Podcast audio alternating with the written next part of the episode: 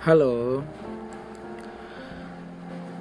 Jadi cerita selanjutnya tentang masuk PTN. Oke, di podcast sebelumnya saya telah bercerita bagaimana kondisi saya saat mengikuti ujian dan akhirnya menantikan pengumuman yang menurut saya itu adalah hal yang sangat penting saat itu. Nah, tibalah oh, hari pengumuman. Saat itu kalau tidak salah malam hari pengumuman ada dan hasilnya waktu itu tetap nihil.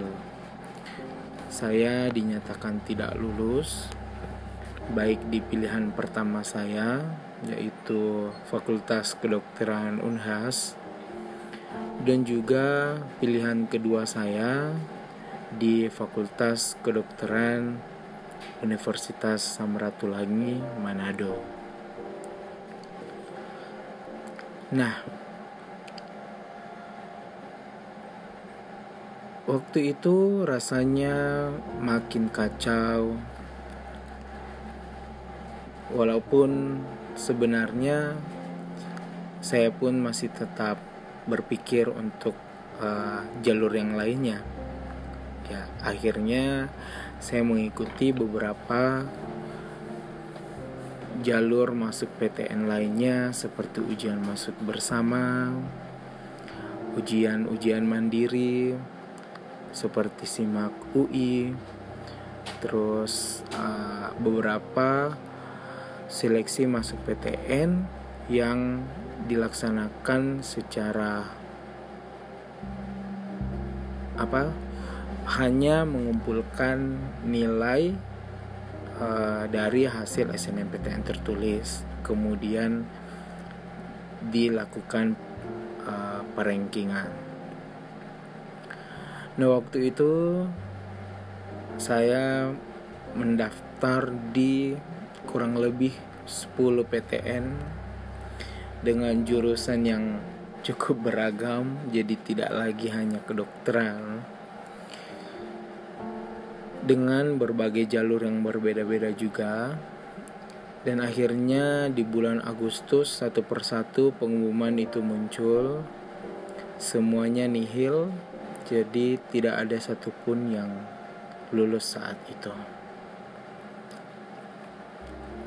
Ya, saat itu makin hancurlah rasanya, makin bingung harus bagaimana. Apalagi saya melihat satu persatu teman akhirnya sudah mendapatkan jalannya masing-masing. Akhirnya sempat uh, menyesal juga kenapa harus memaksakan diri memilih fakultas yang sebenarnya saya pun tidak terlalu inginkan.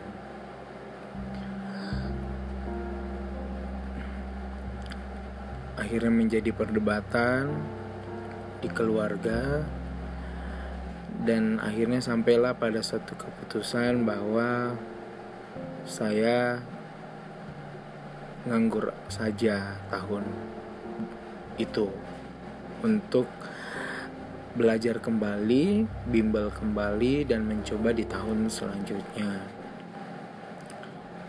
Ya, waktu itu saya pun menerima usulan itu apalagi setelah tahu bahwa beberapa teman dekat saya pun akhirnya memilih jalan itu.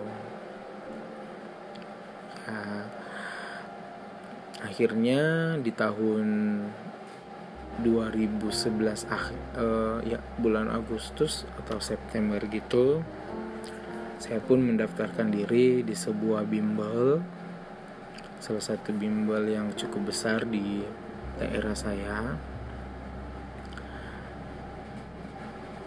dan mulai belajar kembali dari nol.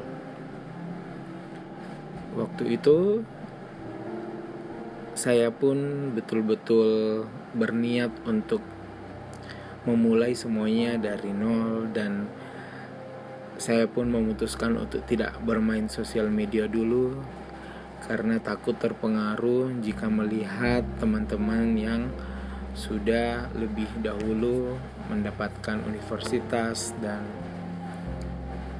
uh, sudah punya jalannya masing-masing. Di hari pertama bimbel rasanya antara sedih tapi senang juga karena setidaknya masih ada harapan. Saya pun banyak bertemu teman-teman baru, satu persatu kelas mulai terisi. Waktu itu awalnya saya cuma dua orang, makin lama makin banyak yang bergabung, dan ya perjuangan waktu itu baru dimulai. Jadi selama menganggur dan bimbel setahun ini banyak sekali kenangannya, suka dukanya, jatuh bangunnya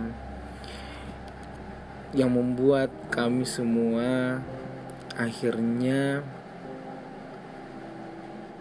di tahun 2012 akhir satu persatu dari kami akhirnya diterima di perguruan tinggi yang kami inginkan masing-masing. Untuk cerita selanjutnya, bagaimana perjuangan kami selama setahun bertemu dengan orang-orang hebat, orang-orang baru, akan saya ceritakan di podcast selanjutnya. Oke, jadi jangan lupa follow saya di Instagram di @awalsafarm atau silakan cari Dokter Awal Safar. Oke, sampai jumpa di podcast selanjutnya. Selamat beristirahat.